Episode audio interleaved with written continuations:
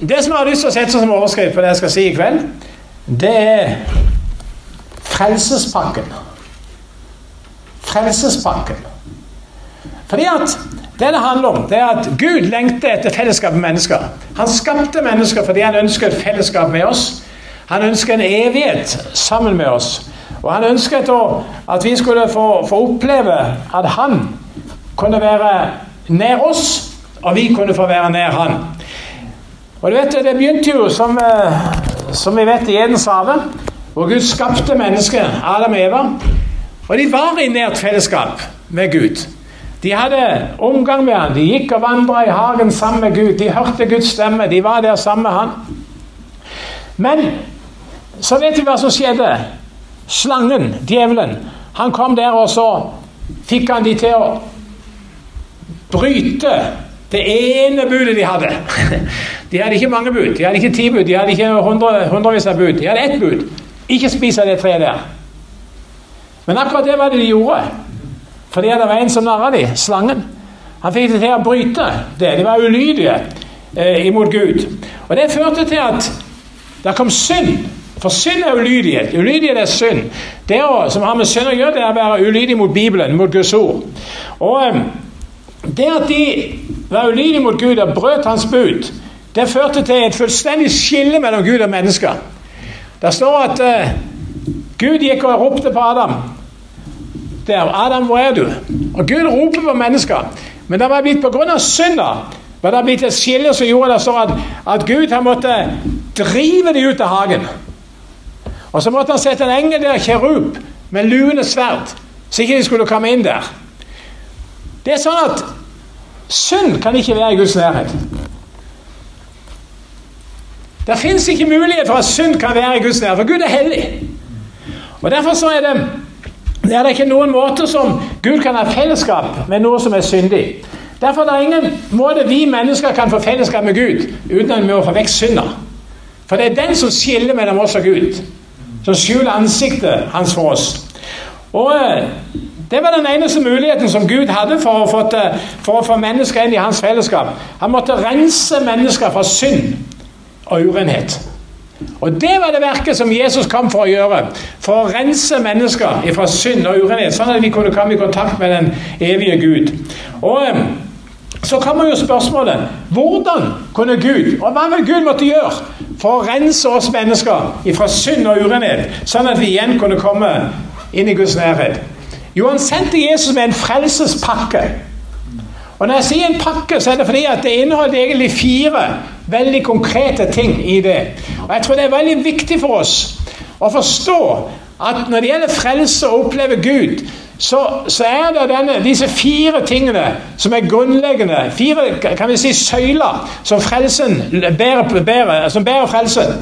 Og jeg tror det er viktig at vi ser det. og jeg når vi ser på vi mennesker som en fortapt og syndig menneskehet, som er, under, som er kommet inn under Guds vrede pga. fallet det er Jens hage Paulus sier vi er uten Gud og uten håp i verden. Det er en fryktelig stilling. Uten Gud og uten håp i verden. Altså det var, Vi er dømt til et evig helvete borte fra Gud. Og eh, det som når, når, jeg leser hvordan mennesket falt bort fra Gud, så er det sånn det griper mitt hjerte. Tenk at mennesket kunne gjøre en sånn ting og bryte dette. Men jeg er så glad at Gud strekk ut sin hånd. Han sendte Jesus med redningen. Og der kan vi få lov til å se på hvordan, hvordan kan vi fordele det. Og du vet, Det som er, er viktig for oss å skjønne, det er at mennesket er ikke sånn godt på bunnen. Du vet, Humanistene vil ha oss tro at ja, men mennesker er jo alle er jo gode på bunnen. Vet du hva? De er veldig, veldig stygge på bunnen. Mennesket er urent. Det er forderva. Bibelen sier det fins ikke én som gjør det gode. Ikke det eneste. Ingen gjør det gode. Og det er ikke, det er ikke vanskelig å se til med småbarn. Det blir ikke lenge før du ser egoismen begynne der. altså, Det ligger i oss. Vi er født med denne synden. Pga. Adams fall så kom denne her tilbøyeligheten til synd kom inn i oss. Og um, det som, er, det som er så viktig for oss å forstå, det er at for at vi skal komme i kontakt med Gud igjen, så må vi få dette vekk ifra oss. Vi må få det rensa, vårt indre. Og det er ikke bare sånn pang. Noen sier ja, ja, det, Jesus så jo for oss, så da er vi alle ok. Altså, Det er en vei å gå, som Bibelen Bibelen sier til og med kaller det for veien. Amen. Og det, det, er viktig å forstå at det er skritt for vi må ta. Det er betingelser på å tatt imot denne frelsen som Jesus ga. Og Jeg må jeg synes det, jeg kan aldri få glemme når det virkelig gikk opp for meg. Det er Johannes 3, 36. Vi kjenner 3.16. Men i 3.36 står det at den som tror på Sønnen, han har evig liv. Men den som er ulydig mot Sønnen, skal ikke se livet, men Guds vrede er og blir over ham. Tenk å være i en posisjon hvor Guds vrede er og blir over oss. Det er en fryktelig situasjon å være i. Men ingen behøver å være der. Det er en vei ut av det. Men eh, det er der hvor vi er mennesker. Vi er et desperat behov av en redningsmann. Vi trenger en som kan få, få oss eh, ut av det. Og vet du hva? Enten vi er drankere, narkomane, rike eller vellykka, det spiller ingen rolle.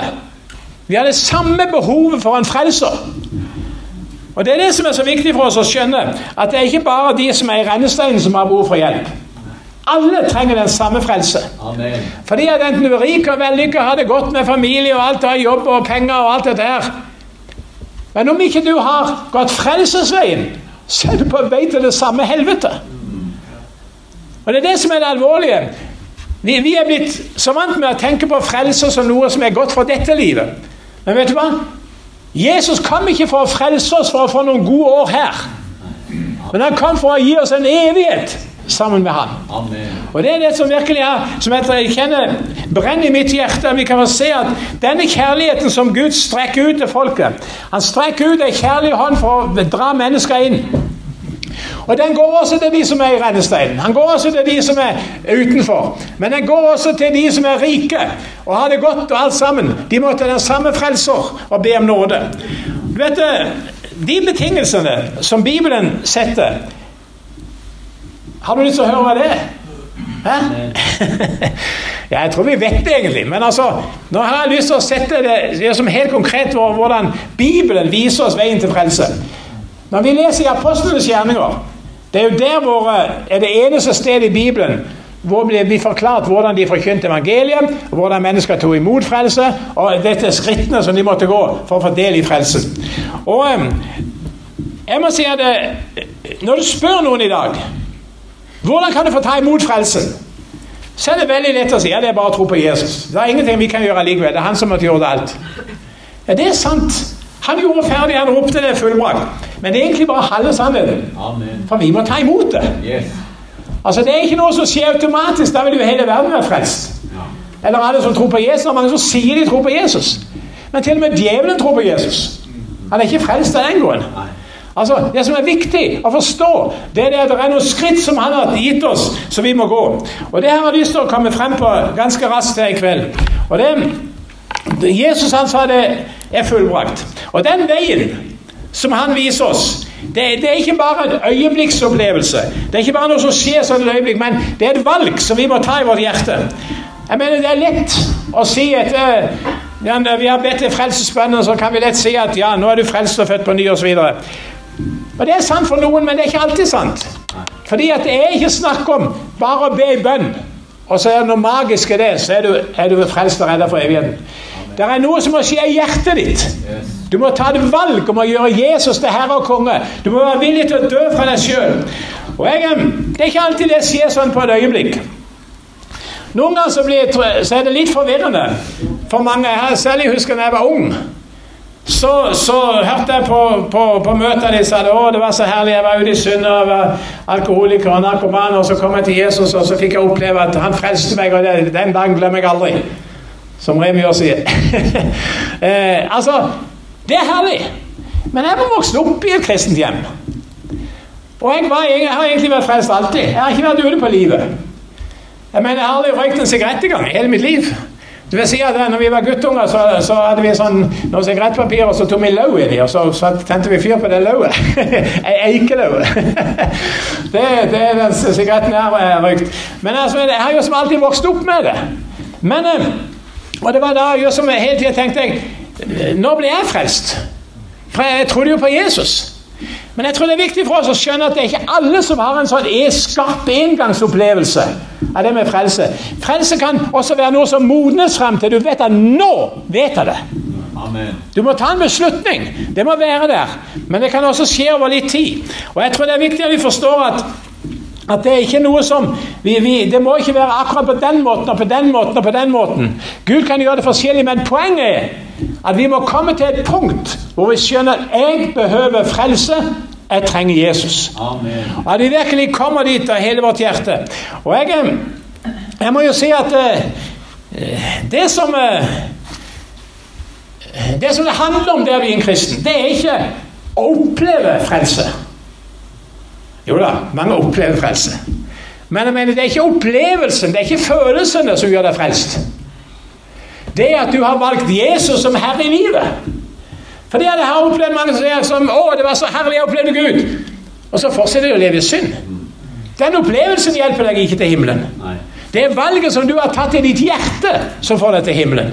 Det er det du har vært villig til å sette Jesus som konge i livet, at han skal styre deg. Og jeg, må, jeg tror det er så viktig for oss å forstå at det er det at, det er ikke den gleden du får, som er tegnet på at du er blitt frelst. Jeg husker når, jeg var ung, så var det jo som veldig vanlig med vitnesbyrd. Og da måtte eneste du sto på, og sa Ja, jeg håper jeg er så glad jeg frelst, og så setter du det. Og så en annen Å, jeg er så glad jeg er frelst. Og så var det sitt sånn. Og så var det noen som støtte litt på og sa Jeg er så frelst at jeg er glad. det er jo en måte å si det på. Men vet du hva? Frelse handler ikke bare om glede. Altså, det, For det, hvis det handler om følelser når det, som er problemet her, det er at når, når folk sier 'Å, jeg, jeg kjenner jeg er frelst', jeg vet jeg kjenner gleden. Men plutselig en dag så er ikke gleden der. Er du frafallen da? Nei, altså Det er viktig for oss å skjønne at frelsen er ikke gleden. Frelsen er ikke opplevelsen. Frelsen er valget som du tok til å gjøre Jesus som herre. Og derfor så du vet, Det er jo sånn at når, når, når vi er på noen steder som jeg forkynner evangeliet i Afrika og Sudan Du kan ikke invitere, frelser, invitere mennesker og si 'Kom og bli frelst og få det godt'. Du inviterer mennesker 'Kom og bli frelst og få det vanskelig'. For det er fakta. Amen. Altså For mange av det å komme og bli frelst, det er å møte vanskeligheter og trengsler. Og Jesus sa jo I verden skal dere ha trengsler. Det, det er noe som er naturlig for oss. Og Paulus sier til og med alle som er leve gudfryktige i Kristus Jesus, blir forfulgt. Jeg vet ikke hvem som er på rett plass eller gal plass her. ikke sant? Jeg mener, Vi er ikke veldig forfulgt. Lever vi gudfryktig, da? Der står Jesus her også der salige er de som blir forfulgt for rettferdighetens skyld, for himlenes rike er deres. Salig er den som blir forfulgt. Altså det som jeg, jeg har lyst til å bare understreke enda en gang Det som er så viktig for oss å skjønne, det er at frelsen handler om å være villig til å gi slipp på styringa av livet. Være villig til å si 'Jesus, jeg gjør deg til Herre'. Det vil si at du gjør deg selv til disippel av Jesus. Du lar han få lov til å ha kommandoen i livet ditt. Og det handler enten, enten du føler godt eller føler dårlig. Hvis han er konge i livet, så er du på vei til himmelen. Men hvordan kan du vite det? Jo, les i boka og se om du følger det. For det er der Guds vilje kommer. Det er der vi ser det. Vi skal få lov til å være Jesu disipler. Han sa det jo sjøl. Eh, Jesus sa det i Lukas 14, 27. Den som ikke bærer sitt kors og følger etter meg, kan ikke være min disippel. Og ingen av dere kan bli min disippel uten å gi avkall på alt han eier. Det betyr at det koster noe å bli en kristen. Avkall på alt du eier. Altså Det forteller meg at, at det, det, det, er noe som vil koste. Den, den, kostnaden er kanskje større for den som er rik og vellykka, enn for den som ligger i rennesteinen. For han vil gjerne ut av det. Men den som er rik og vellykka, han tenker han har det godt. Fordi at vi tenker ofte på å ha det godt her i livet. Men Jesus frelste oss ikke for at vi skal ha det godt her i livet. Jeg har lyst til å rope det ut, for det er ikke poenget. Vi, han, han vil vi skal ha det godt, men det var ikke derfor han frelste oss. Han frelste oss fordi han ville være en evighet sammen med oss. Amen. Vi skal være hans medarbeidere for evighet og evighet i himmelen. Derfor er vi frelst. Det er det vi ser fram imot. Altså Enten det er forfølgelse eller vanskeligheter, spiller egentlig ikke noen rolle. Det som er viktig, det er at vi har en herlig evighet sammen med Jesus. Jeg gleder meg. Amen. Er ikke du òg? Jeg mener, for jeg lever sammen med han, tjener han i, i denne evige fremtida. Du vet, Det å bli frelst det er heller ikke alltid en engangsopplevelse. For det er mange som misforstår det. Er du frelst, er du frelst. Nei, du vet, jeg er ikke frelst ennå. Men jeg håper å bli det en gang. Altså, Vi er jo ikke frelst før vi er innenfor himmelporten eller gått ut av denne verden. Jeg mener, Det står jo veldig klart og tydelig når, når Paulus sier i Romerne 13 Frelsen er oss nærmere nå enn da vi kom til tro. Amen. Altså, der, der er, Frelsen blir nærmere og nærmere jo nærmere vi kommer den dagen. Men vi er ikke ennå frelst i fortid. Vi ofte vi bruker det på en feil måte. Peter sier det også sånn i 1. Peter 1,5.: Dere blir bevart ved tro, så dere når fram til frelsen. Den frelsen ligger alt ferdig for å bli åpenbart ved tidenes ende. Det var sånn at De første kristne de ble kalt disipler. De var i en opplæring. De var ikke fullkomne. Men eh, Jesus sa i Lukas eh, 6,40 når disiplene er utlært, så blir han som sin mester. Det betyr at når vi går inn og blir en disippel for Jesus, så skal vi etterligne mesteren vår, Amen. og det er Jesus. Ønsker du å etterligne Jesus? Amen. Det er mitt hjertes bønn at vi kan etterligne han. Og Det er det som vi er kalt til å gjøre. Og du vet, det, det som er grunnleggende her, det er at vi kan få lov til å omvende oss fra synden, sånn at vi kan bli løst fra den. For det er det bare Jesus som kan gjøre.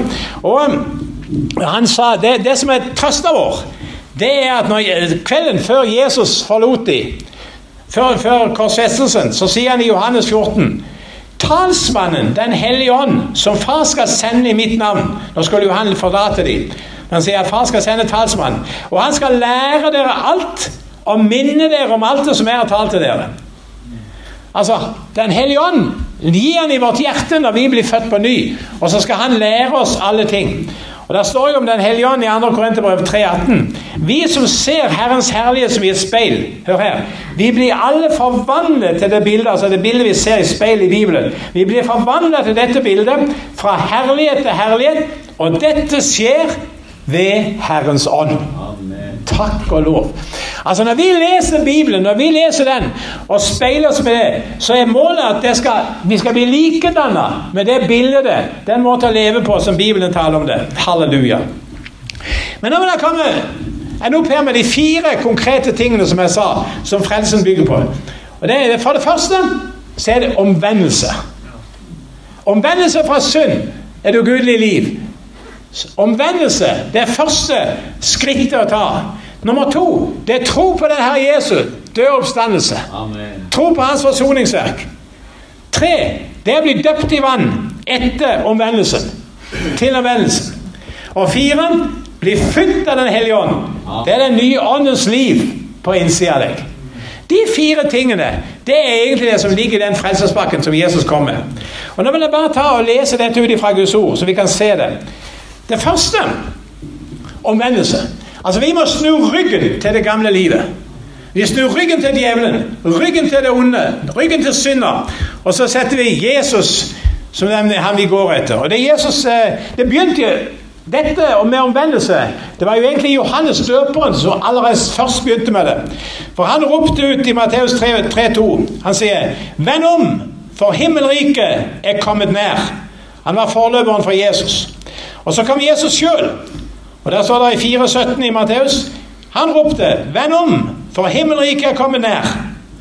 Og så når han var ferdig med disse tre, tre og et halvt år her nede, så kommer, sender han, sier han til disiplene i Matteus 28 Nå skulle han forlate dem. Og så sier han til dem Gå derfor og gjør alle folkeslag til kristne.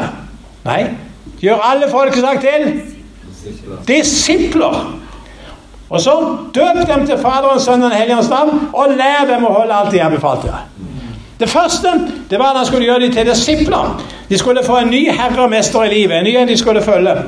Og Det er jo interessant bare når de da hadde fått Den hellige ånd, så, så begynte dette her å skje. Og Jesus sa det også når misjonsbefalingen i Lukas 24, 47 så sier han det på den måten. I, I, Jesu navn, i hans navn, skal omvendelse og tilgivelse for syndene forkynnes for alle folkeslag, og dere skal begynne i Jerusalem. Altså omvendelse og tilgivelse for syndene. Så står det at etter Jesus hadde gått ifra dem, så, så kom Den hellige ånd. Og eh, Da står Peter fram på pinsedag og forkynner. Første talen etter Den hellige ånd har kommet. Og Det er jo herlig å se hvordan Peter han eh, var drevet av Den hellige ånd. og det, eh, Der står det i vers 37 der i Apostelens gjerninger 2. Da de hørte Peters tale dette, så stakk det i hjertet. Og de sa til Peter og de andre apostlene Hva skal vi gjøre, brødre? Peter svarte dem, Vend om! Og la dere døpe i Jesu Kristi navn, hver og en av dere, så dere kan få tilgivelse for syndene, og dere skal få Den hellige ånds gave. Det som eh, det var det når, når Peter like etterpå sa så sa han angre derfor og vend om, så syndene deres skal bli strøket ut. Det er interessant at Paulus han bruker akkurat det samme når han eh, kommer til Areopagos i Aten og snakker med folket der. Så sier han det sånn i, Matte- i Apostelens gjerninger 17, 30-31. Disse tidene med uvitenhet har Gud båret over med. Men hør nå her. Nå befaler Gud alle mennesker, hvor de enn er, at de må vende om. For han har fastsatt en dag da han skal dømme verden med rettferdighet. Ved en mann han har utpekt til dette. Og det er han bekreftet for alle mennesker ved å reise ham opp fra det døde. Hvem var det? Jesus. Han er det som skal dømme alle mennesker. Og det som er viktig, er at det er omvendelse. Det er et bevisst valg du gjør i ditt hjerte. Altså, du snur ryggen til synda. Snur ryggen til banning og fyll og festing og voldsfilmer, porno seksuell samkvem alt det der som er utenom i ekteskapet. Alt det der slaveriet, og last alt, alt det gamle som hører med i syndelivet. Paulus han har jo lange lister er det du må slutte med det, må ikke det, må ikke det, må ikke det. Så må du gjøre det og det og det. og det. Paulus ramser det, bare les i brevene. Det er veldig klare hva de skal slutte med, og hva de må gjøre. Altså, Det er et nytt liv der Jesus er herre, og hvor han skal styre livet ditt. Men det er et valg du må ta. Det går ikke av seg sjøl. Det er noe du må velge. Det ene framfor det andre. Det er omvendelse. Det andre var tro. Tro på den Herre Jesus.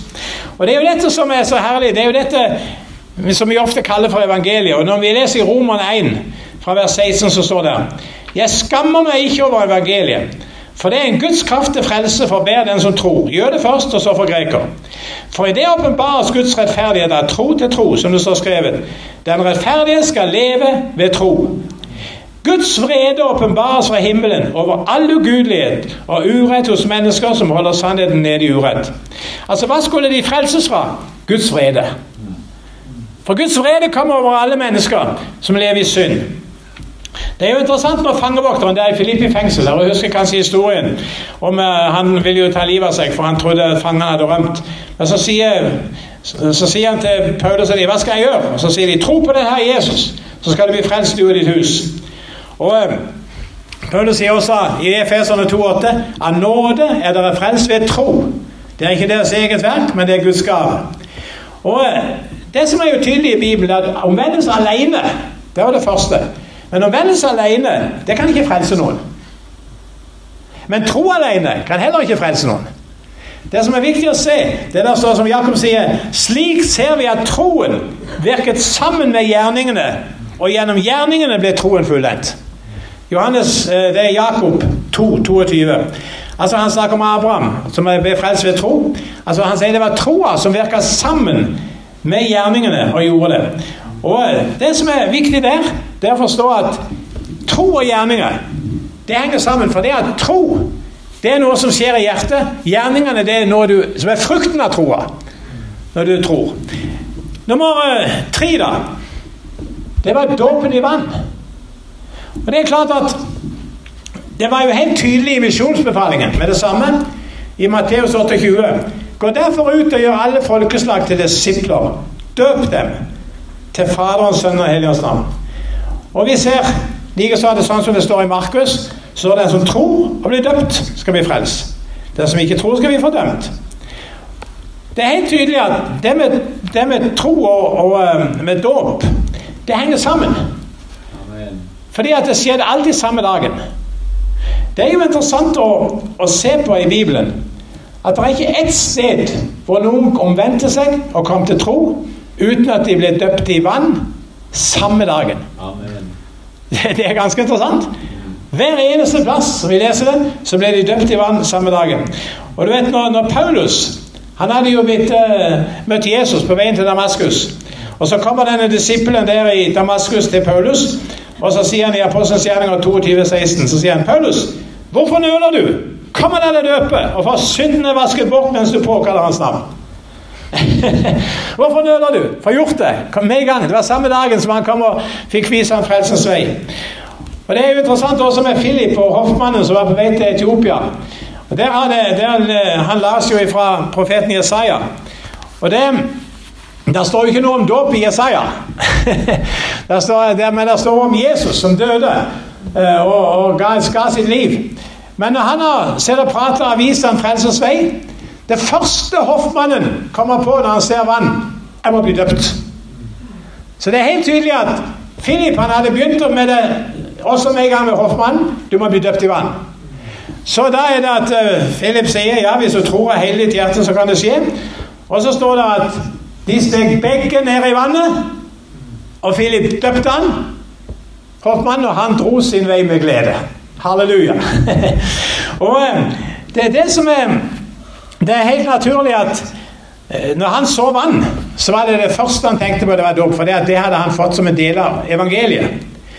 Det, det, er jo også interessant å se i Kornelius' hus. Noen av dere som har lest Apostelens gjerninger, da vet at det var den første ikke-jødiske familien.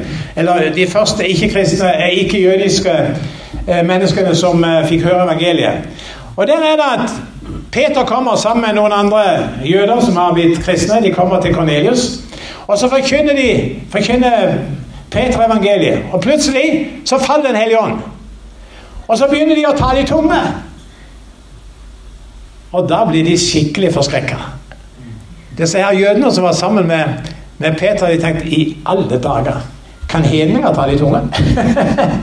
de, de, de, dere si. Men det de sa Disse har jo fått Den hellige ånd. Men når de, de gikk opp for dem at ja, disse er jo blitt frelst. Disse har jo fått Den hellige ånd. Disse har jo fått oppleve Gud. Da står det om Peter. Synes det er veldig sterkt. Kan noen nekte de, døve, nekte de vannet? De må jo bli døpt. Disse har jo tatt Den hellige ånd. Og så står det om Peter han befalte at de skulle døpes. Med en gang. Han befalte at de skulle døpes, og de ble døpt der de sier i Kornelius' hus. Hvorfor var det så nødvendig at dette hang sammen? Jo, fordi at tro og dåp det er egentlig samme saken. Dette står i Kolossene 2,12. I dåpen ble dere begravet med ham, og i den ble dere også reist opp med ham ved troen på Guds kraft han som reiste Kristus opp fra det døde. Altså, Dåpen er et bilde på begravelsen. Og det, Paulus sier det veldig tydelig også i, i Romerbrevet, det sjette kapittelet. Vi kan ta og lese et par vers der. I Romerne 6, 3-5. Eller vet dere ikke at alle vi som ble døpt til Kristus Jesus, vi ble døpt til hans død? Vi ble begravet med ham da vi ble døpt med denne dåpen til døden. Og som Kristus ble reist opp fra de døde ved sin fars herlighet, skal vi også vandre i et nytt liv. Har vi vokst sammen med Kristus i en død som er lik hans, skal vi være ett med ham i en oppstandelse som er lik hans. Halleluja! Altså, det, Vi skal være forenet med Han. Denne lydighetshandlingen, dåpen, det er en begravelse av det som vi har, vi har allerede gitt opp vårt liv. Vi, er, vi, har lagt døden over vårt eget liv. Da skal det begraves i dåpen. Og så reiser vi opp fra dåpen, så skal vi stå opp for å vandre et nytt liv sammen med Han. Du vet, det, det er det som gjør at barnedåp er jo ingen dåp i Bibels betydning i det hele tatt. Det, det, for det første er det ikke dåp i seg sjøl, for det er dåp er jo å dykke noe under i et element. Det er jo bare noen uh, skvetter med vann på panna. Det er ikke dåp. Men det er heller ikke dåp i bibelsk betydning. For dåp i bibelsk betydning det var, måtte alltid komme rett etter troa. Rett etter omvendelsen. For det skulle få mening. Du måtte dø, og så måtte du begrave. Det var ingen mening i å begrave et lite barn. Det, det er ikke ennå skjønt å svelge. Og du vet, jeg, jeg er vokst opp i Luther-sammenheng. Far min var formann i Indremisjonen, eller Indremisjonens ungdomsforening. Og jeg ble, jeg ble døpt i stua i et vaskevannsbad. Presten kom hjem fordi at jeg fikk forkjølelse, og de var livredde jeg skulle dø. Eh, poenget var det at jeg har en bror som òg eh, heter Jan Ernst. Som er sånn ca. et år eldre enn meg. Men han, eh, han ble syk og døde før foreldrene mine kunne få han døpt. Og det var en fryktelig tragisk episode. Og Vi hadde jo mye predikanter, prester, og emisserer som bodde hjemme hos oss. Og pappa måtte alltid spørre dem er det noen mulighet for at jeg kan se Lillian Ernst. Det var Han het det samme som meg. Er det noen mulighet for at jeg kan møte Lillian Ernst igjen i himmelen? Det var ikke én, sier pappa, som kunne love han i det hele tatt. Fordi at han hadde ikke blitt døpt i vann. Eller døpt barnebestengt, det. Jeg må si at jeg tror det er en av de store forførelsene. Det er barndom.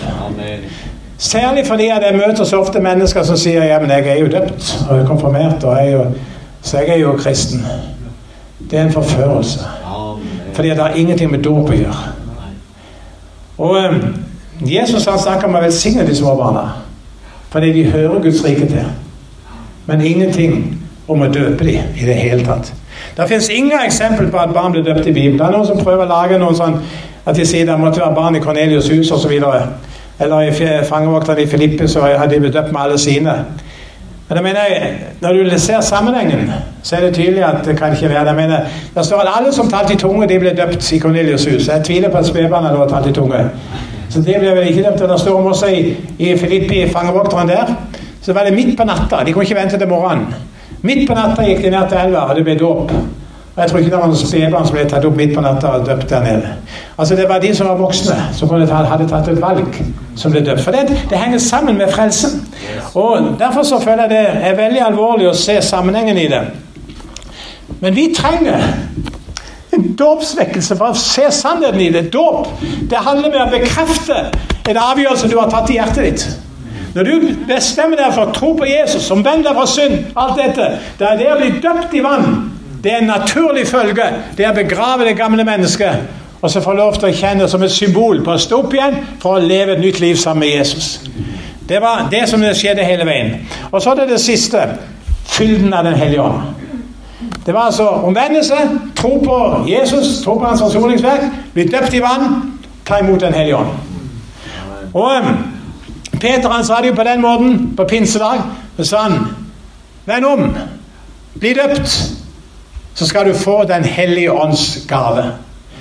Det med fylden i Den hellige ånd kalles for veldig mange forskjellige ting. Dåpen i Den hellige ånd, fylden av Den hellige ånd og, og, og eh, mange forskjellige ting. Men eh, det som er saken, det er at det har noe med det nye livet i oss å gjøre. Fordi at vi har omvendt, omvendt oss til Gud og tro på Herren Hvis ikke vi hadde fått noe nytt inni oss, så hadde ikke vi kunnet leve det nye livet. Det er umulig. Vi trenger Den hellige ånd. Vi, vi skal ikke leve etter budene som står i boka, men vi skal leve etter budene som ligger i hjertet. Fordi at de, de, de gamle profetene de profeterte om det sa, sa det skulle komme ei tid hvor jeg vil jeg tar ut steinhjertet, og så gir de et kjøtthjerte. Og jeg vil, jeg vil gi en ny ånd inni dem. Og jeg vil gjøre at de vil følge mine bud og mine eh, befalinger. Altså Det er noe han vil gjøre i oss, og da trenger vi Den hellige ånd. Amen. Det er han som skal vise oss veien.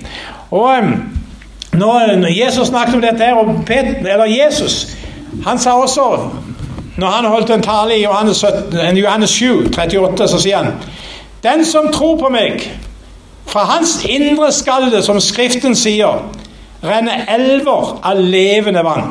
Ikke det herlig?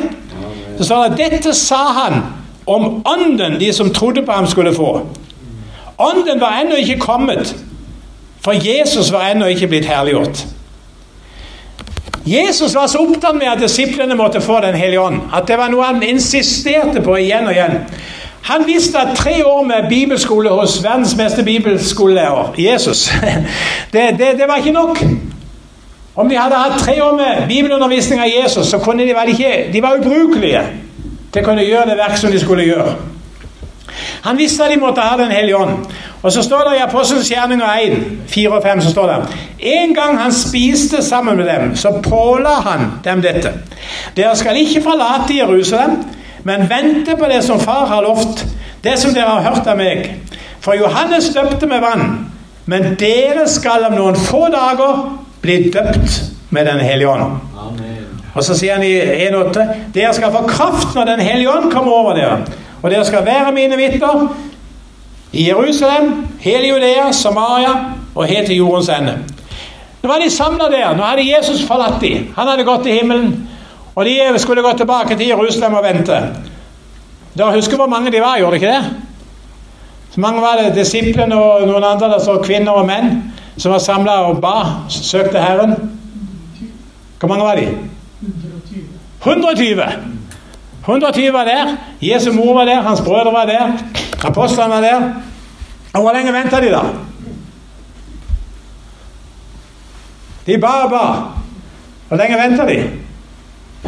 Kom igjen. Ti dager. Yes! Ti dager var de der. Da skjedde det noe.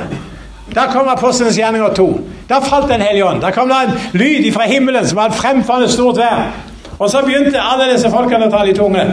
Og da, da skal jeg si det, der forsvant Der står i Apostelens gjerninger 2,24 Plutselig døde fra himmelen når en kraftig vind blåser. Lyden fulgte hele huset der de satt. Tunger av ild viste seg for dem, delte seg og satte seg på hver enkelt av dem. Da ble de alle fylt av Den hellige ånd, og de begynte å tale på andre språk ettersom ånden ga dem å forkynne. Altså det var noe som skjedde. Disse redde, forsiktige disiplene som hadde låst seg inne av frykt for jødene, og som var så redde av alle mulige ting, plutselig så var det borte. Nå var de ute på gatene og forkynte alle veier og forkynte om Jesus og det han hadde gjort, og evangeliet. Og han var helt tydelig på at nå skulle evangeliet ut. Vet du hva? Det var dette at de hadde fått Den hellige ånd. Det var selve drivkraften. Jesus visste at det var ingenting som de kunne gjøre uten at de hadde den drivkraften. Derfor er det så viktig når vi blir født på ny og blir frelst, at vi får del i den fylden av Den hellige ånd. Ikke bare gjøre så vidt at vi tror at han er der, men at vi virkelig opplever kraften i det. For det vil han gi oss når vi tar imot. Det er en gave som vi kan få lov til å ta imot. Fylden av Den hellige ånd. Og jeg, jeg er så glad for det at den er for alle. Du vet, Som pinsevenner så er vi vant med å si det at det å ta de tunge det er tegnet på at du har fått Den hellig ånd. Det er det sikkert mange som har hørt. Det har jeg vokst opp med. Men det står jo ikke egentlig at det er noe direkte tegn på det, men det var alltid noe når de hadde blitt fylt av Den hellige ånd. Så står det de fleste stedene at de begynte å ta de tunge. Ofte profetiske ord. I hvert fall så de, begynte de å høylytt prise Gud og forskjellige ting. Men eh, det som er, det er ganske, Du kan lese Bibelen veldig ofte, eller i mange mange år, og så oppdager du ikke egentlig hva det står. Fordi at der står ikke at Når, når vi leser i Markus 16 og vers 17, så står det disse tegnene skal følge dem som tror. Og så tenkte jeg disse tegnene skal følge dem som er døpt i Den. De skal tale med tunga. Men det står ikke det. Altså. Disse tegn skal følge dem som tror. I mitt land skal de drive ut onde ånder, og de skal tale med andre tunger. Altså, Det står faktisk at det skal være tegn på de som tror. Hvorfor sånn er det? Jo, fordi at det var helt naturlig for alle de første kristne å bli døpt med Den hellige ånd og tale i tunge. Amen. Det var den mest naturlige ting av verden. Det var det. det er ikke, ikke, nå, nå snakker vi ikke bare sånn å komme med et budskap i tunge og betyde osv. Men dette med ditt, ditt bønnespråk med Gud, og tale et nytt språk, tale i andre tunger, det er den mest naturlige ting for alle nye kristne å gjøre. Og det, det tror jeg er så viktig å skjønne at når du virkelig har fått eh, gått denne veien og tatt imot frelsen, så kan du også be om å få fylden Den hellige ånd, og du kan få et nytt språk. Kanskje det bare, Du opplever det jo bare for babbel, så du skjønner jo ingenting av det. Når Paulus forklarer dette i 1. Korinterbrev 14, så, så sier han det at vår forstand er uten frukt. Vi, altså, og, i, I en menighetssamling så sier han vel tallerstallet ett ord eller fem ord i tunge, eh, med, med forstand er en 10 000 ord i tunge. Men, sier han, når jeg taler i tunge, så oppbygges min ånd. Og det er jo det vi trenger som kristne. Vi trenger å bygge opp vår ånd og tale i tunge. Og få lov til å tale disse underlige ordene. Selv om ikke vi skjønner noen ting av det. Vi har ikke peiling på hva vi sier. Men det er med å bygge opp noe i vårt hjerte. Og det kan vi gjøre. Og det er sånn når vi ofte her i møtene, så, vi, så sier vi bare fortsett å prise Herren, ta de tunge. vær mye. Og vi hører mange mange, mange ta de tunge samtidig. Mange syns det er så uryddig. Vet du hva? Det er veldig ryddig fra Gud. han, han, han hører hver enkelt som taler, uansett om du snakker norsk eller tunge. Men det å få lov til å bare prise Gud i tunge, det høres rart ut, så kan du gjøre det fordi det kommer fra hjertet ditt. Det er noen ord som er gitt deg, som det er sånn barnespråk som barnebabel innenfor Gud. Men han skjønner det, kommer fra ditt hjerte. Du skjønner det ikke, men Gud skjønner det. Du kan få lov til å oppleve det, få det. Og jeg... jeg tror Når vi har fått Den hellige ånd og fått lov til å oppleve det, så skal vi få lov til å ta imot Den hellige ånd. Derfor vil vi gjerne be for mennesker som ennå ikke har talt i tunge, ennå ikke har opplevd det. Vi vil gjerne be for dere, velsigne dere, så dere også kan få del i dette. Og eh, eh, Jeg vet ikke om det var Thomas som sa det her, han har plutselig begynt å ta og kjente det kom i språket da han var i bilen. han begynte å prate. Stemmer ikke lenger, dette. Så, så det, det, sånn så kan det være i bilen. Du kan være andre steder. Plutselig begynner du å tale i tunge. Du kjenner du skjønner ikke hva du sier. Du skjønner ikke hva det gjør. Men det er noe som skjer. Du har kanskje bedt om det på møter, og så opplever du at det skjer ellers. At du får noen ord som ikke du vet hva er for noe. Noen har bare fått ett og to ord. Men si det ut! Fordi at det er en del av det åndelige connection med Gud inni deg. Derfor er det en del av frelsespakken, sånn at vi kan være, en, vi kan være kristne med, som kan ha hele greia. Ok, la meg bare det gjenta disse, si om igjen disse fire tingene. Det første det var omvendelse. Bli en Jesu disippel. Gjøre han til herre og konge. Si nei til djevelen og alt hans verk. To. Tro på Jesus og hans forsoningsverk. Omvendelse, altså tro. Dåp i vann. Begravelse til det gamle livet. Og fire å bli fylt av Den hellige ånd. Det nye åndelige livet. For gaven av Den hellige ånd i vårt liv. Og jeg, jeg har lyst til å si det nå. Du sitter kanskje her som er usikker på vet ikke helt er jeg en kristen eller er ikke. Og så kan du vite det. Er det noe du kan kjenne? Noen ganger så kjenner vi ting, men vi kan ikke stole på følelser. Hvordan kan vi vite at vi er frelst, at vi er på vei til himmelen? Den eneste måten vi kan vite, det er at vi spør oss sjøl Jeg er blitt en disippel av Jesus. Amen. Vil jeg følge denne boka? Er det den som er min rettesnor for livet? Hvis det er den som er din rettesnor, da sier Bibelen at da er du på rett vei. Da er du på rett vei. Da har du valgt noe i livet. Og Uansett om ikke du kjenner noen ting, uansett om du kjenner tortur, om du kjenner vanskeligheter, spiller ingen rolle. Du behøver ikke føle godt engang. Du behøver ikke vite, kjenne noen slags følelse eller lete etter det. Eh, Noen ganger så møter du møter jeg mennesker som, som sier 'Å, jeg er så fordømt. Jeg, jeg, jeg har mista frelses, frelsesvisheten. Jeg skjønner ikke, jeg tror ikke jeg er frelst lenger.' Kan du ikke be at jeg kan få frelsesvisheten tilbake? Jeg sier ofte at frelsesvisheten gjør jo noe fra eller til. Hva er det som fordømmer deg? Hvorfor er det fordømt? Er det noe du som er galt? Noe synd? Det er veldig lett å få frelsesvisheten tilbake. Det er å si nei til synder. Omvende deg fra det. Da kommer frelsesgleden igjen. Men om du prøver å leve et, et halvt liv Jo, jo, jeg vil gjerne være en kristen, og, jeg har, du, og, og du bare gjør som vil, vil leve der på følelsene. Men så vil du leve i synd samtidig. Det er en farlig plass å være. For du kan ikke både leve med Jesus og leve med verden. Du må ha et valg. Og Det er derfor at jeg har lyst til å si det atter igjen. Vær sikker i din sak, for Jesus kommer snart. Og om ikke han kommer før du dør, så vær sikker på det nå, sånn at du kan gå ut denne døra og vite at jeg er på vei til himmelen. Jeg er på vei til å møte Jesus. Fordi vi er ikke frelst for å få det godt noen år her nede. Det er vel og bra, han vil også hjelpe oss. Men vi er frelst for å få en evighet sammen med Jesus. Vi, vi er ikke bare noen få år her. Vi, vi er født, vi, vi skal leve evig. Det evige livet. Vi kjenner Johannes 3, 16. Så høyt har Gud elska verden at han ga sin sønn den enbårne for hver den som tror på ham, ikke skal fortapes, men ha et godt liv her. Nei, for å ha et evig liv. Amen. Det er det vi er kalt til. Det er, det er frelsesverket. Det er for at vi skal ha et evig liv. Og så skal vi glede oss til den dagen. Og jeg tror at Jesus kan komme veldig fort. Fortere enn vi aner. Men vet du hva, uansett om han kommer fort eller ikke, så er det viktig at du har din sak i orden med Gud. At du har tatt et valg, og du vet at du, du vet at du vet at du vet at Jesus er din Herre. Det er det viktige. Kjære Herre Jesus. Du kjenner meg, du kjenner hver enkelt her. Og jeg ber deg, Herre, om at du skal la din ånd få virke frem en klarhet, omvendelse, i hver enkelt som er på møte her i kveld. Herre, du er full av kjærlighet til alle. Alle kan komme til deg. Takk, Herre. Uansett hvilken synder de har gjort, uansett hva de har funnet på, så vet jeg, Herre, at du har tilgivelse for alle. Som vil komme og legge seg ned for dine føtter. Herre, jeg ber om det er noen her i kveld som ikke er sikre i sin sak. La de ta et valg, 100 Amen. så de vet at de vet at de vet at du, Jesus, er deres Herre og Mester i livet. I Jesu Kristi navn så ber jeg deg om det, Herre. Halleluja.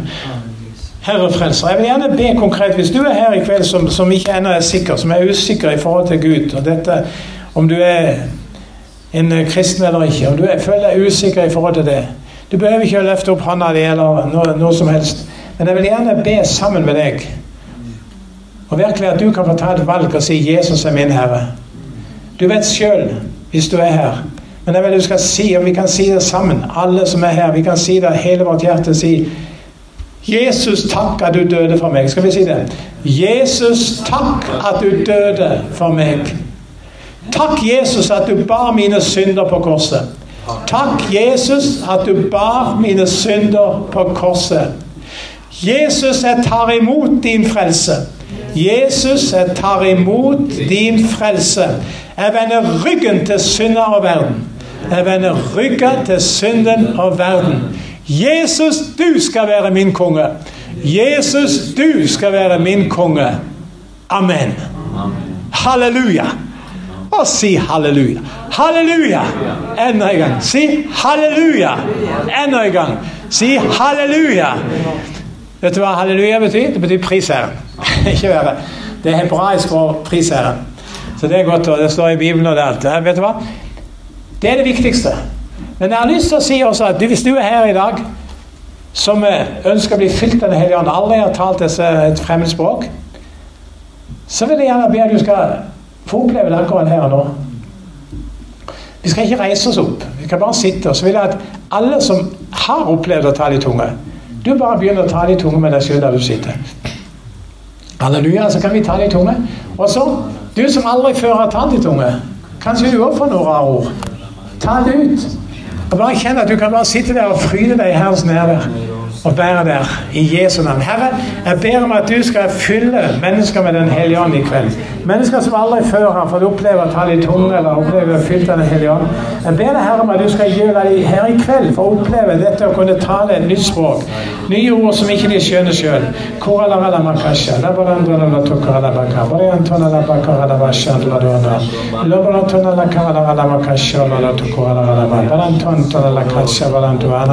Linkiana bara tokor shandlora tokora la makabri antuana. Londiana la baranto la makinia. Om alle du har snakket før i tunge, så bare vær fremodig og sett lyd på forsiktig. Kanskje ikke du vil rope det ut med det samme, men bare ta det ut. Bare ikke, det er ikke farlig. Det er helt, helt naturlig. Du kan få lov til å bare slappe helt av. Det er ikke farlig. Mennesker over hele verden opplever det på samme måte. Halleluja. Og jeg merker Guds nærvær her. Han, han berører deg. Han berører ditt indre, så du kjenner at det er noe som skjer i ditt indre. Det er en berøring som skjer i ditt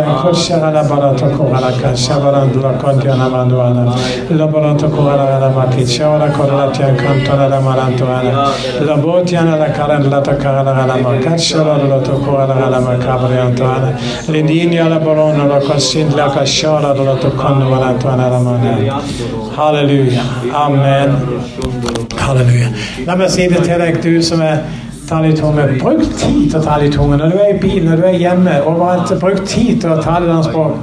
Eh, Paulus han sier det rett ut at den som taler med tunge, oppbygger seg sjøl. Og så, Det er jo interessant. Paulus han sier at det er bedre å tale noen ord med forstand for de som ikke skjønner tungene. Og det er klart det er. Men så sier Paulus etterpå jeg er klar, jeg taler mer med tunge enn dere alle. og det er ofte det, det at korinterne de blir beskyldt for at de var så opptatt av tungetallet. Men vet du hva? Paulus han talte til og med mer tunge enn de. Så Paulus brukte det mye, for han trengte oppbyggelse. Han trengte egen oppbyggelse, og derfor talte han i tunge. Og han priste Herren med det. Halleluja. Hvis du er i tvil om det der med tungetallet, jeg, ikke, jeg har ikke sagt så mye om det, les 1. Korinterbrev 14. Les 1. Korinterbrev 14. Noter deg gjerne det hvis du har lyst til å lese noe om det. For der står det veldig mye om dette med å tale i tunge. 1. Korinterbrev 14.